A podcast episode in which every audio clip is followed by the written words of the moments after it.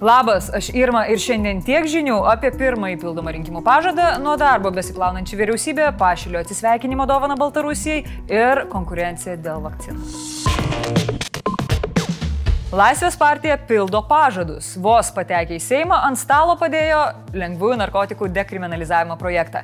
Seimo nariai iš skirtingų frakcijų įregistravo baudžiamojo ir administracinio nusižengimo kodeksų pataisas, kuriomis siūlo naikinti baudžiaką už nedidelio kiekio narkotikų turėjimą su savimi.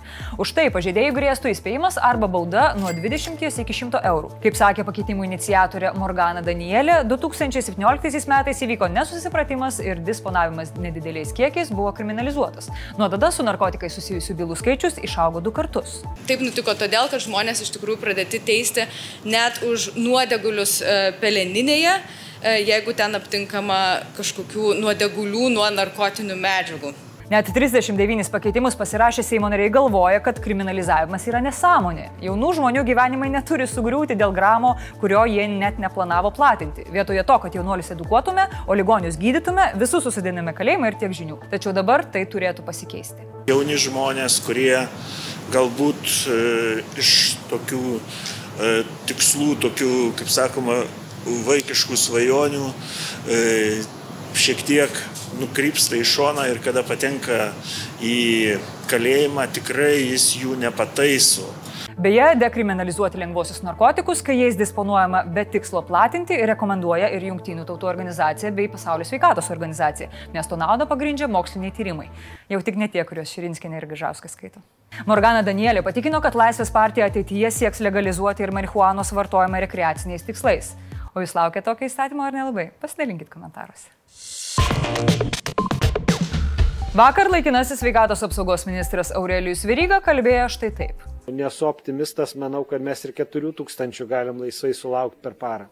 Ir beveik pataikė. Iki 4000 kiek trūksta, bet į 3000 susirgymų per parą zoną jau įžengėme. Taip pat antrą dieną išėlės fiksuojamas 30 viršientis mirčių nuo COVID-19 skaičius, o pagal dviejų savaičių sergamumą 100 tūkstančių gyventojų Europoje mes vis dar tvirtai laikomės trečioje vietoje.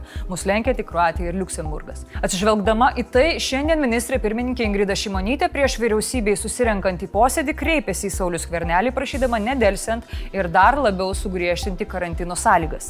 Skvernelis vyriausybės posėdžio metu atsakė. Ne vieno konkretaus siūlymo, ką dar reikia padaryti, kad būtų galima situaciją griežčiau kontroliuoti ir valdyti. Ir taip pat pridėjo, jo gavęs bent vieną aišku ir racionalų pasiūlymą, tikrai imtųsi jį svarstyti.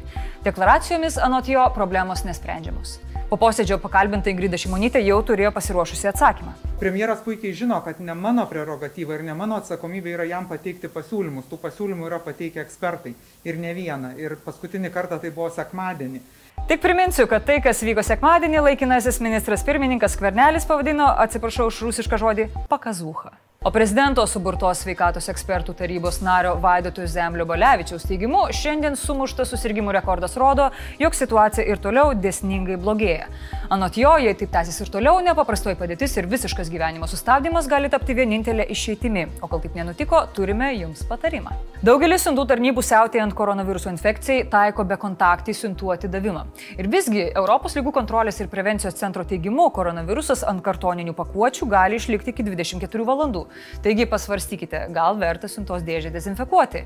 O atidarę dėžę ir išėmę siuntą švariai nusiplaukite rankas karštų vandeniu ir muilu arba jas dezinfekuokite. Dar vakar Seimo pritarimu ir Nausėdos paliepimu iš pareigų atleistas generalinis prokuroras Evaldas Pašilis daiktų krautis neskuba. Prieš išeidamas jis pradėjo iki teisminį tyrimą dėl nusikaltimų žmogiškumui pagal Baltarusijos piliečio Maksimo Horošino skundą. Iš Minsko nuo vykdomų represijų pabėgęs Maksimas lapkričio pabaigoje į prokuratūrą kreipėsi dėl smurto patirto taikių protestų metu. Lukašenkos režimo kritikas tikisi, kad toks sprendimas padrasins ir kitus Lietuvoje šiuo metu gyvenančius nukentėjusiosius sekti jo pėdomis, o Batska ir jam paklusnus pareigūnai pareigūnai bus nubausti. Mūsų teisėjai saugos sprendimą ištiesti pagalbos ranką jos tautiečiams įvertino ir Baltarusijos opozicijos lyderė Svetlana Cichanovskaja. Jie taip pat paragino ir kitas Europos šalis padaryti tą patį.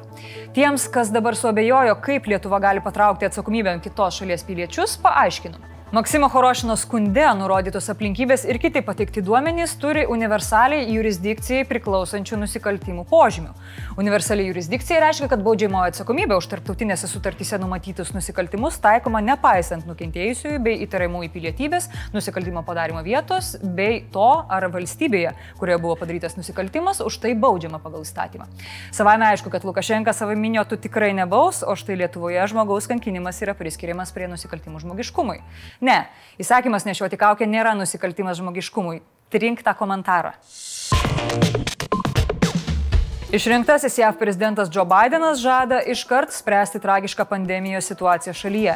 Jis paskelbė savo 100 milijonų vakcinacijų per 100 dienų planą ir paragino amerikiečius tas 100 dienų dėvėti kaukės. Bideno naujai išrinktas vyriausiasis patarėjas medicinai Anthony Fauci sako, kad Pfizer vakcina bus patvirtinta artimiausiomis dienomis ir iškart prasidės prioritetinių grupių skiepimas. That we will be able to start administering vaccines Krūta ir Trumpo administracija. Paskutinės savo dienas poste skaičiuojantis nueinantis prezidentas Trumpas dalyvavo susitikime Baltuosiuose rūmose, kur buvo aptarta, kaip greičiau patvirtinti vakcinas. Trumpo administracija tikisi sausio viduryje turėti 24 milijonus paskiepytų žmonių. Beje, atsirandant vakcinoms nuo koronaviruso, jas rezervuojasi ir graipsto turtingos šalis. Tarptautinės organizacijos perspėja, kad beveik 70 neturtingų šalių galės paskiepyti vos kas dešimtą žmogų. Ir tai vyksta nepaisant Oxford AstraZeneca projekto pasižadėjimo daugiau nei 60 procentų dozių skirti besivystančioms šalims. Iš esmės 14 procentų turtingiausiųjų susipirko daugiau nei 50 procentų vakcinų. Tarptautinės organizacijos ragina vakcinų kuriejus dalintis duomenimis, kad vakcinų būtų galima prisigaminti dar daugiau. Juo labiau, kad jeigu neturtingos šalis sirgs, pandemija nesibaigs. Blitz naujienos. Šį vakarą Briuselėje vakarieniauja Britanijos premjeras Borisas Johnsonas ir Europos komisijos pirmininkė Ursula von der Leyen. Vakarienės tikslas - išjudinti užstrigusias dėrybas dėl santykių po Brexito. Prieš susitikimą Johnsonas sakė, kad pasiekti susitarimą bus labai, labai sunku. Europos komisija pervedė Ukrainai 600 milijonų eurų pagal makrofinansinės pagalbos programą susijusią su COVID-19 pandemija. Iš viso Ukrainai bus paskolinta 1,2 milijardų eurų, kurią Ukraina turės gražinti per 15 metų. Įtin jautrioje kalboje Vokietijos kanclerė Angela Merkel nebūdingai savo prapliupo emocijomis.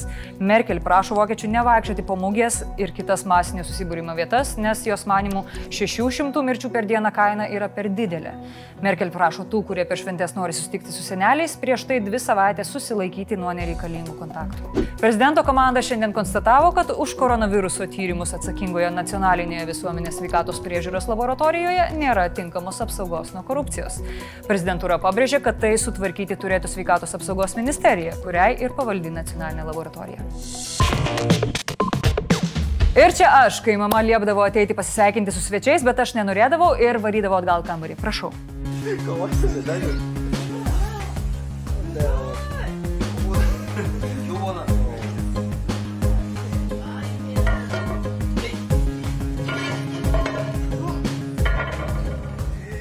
Ačiū, kad žiūrėjote, rytoj Dominikas, o aš sakau tiek žinių.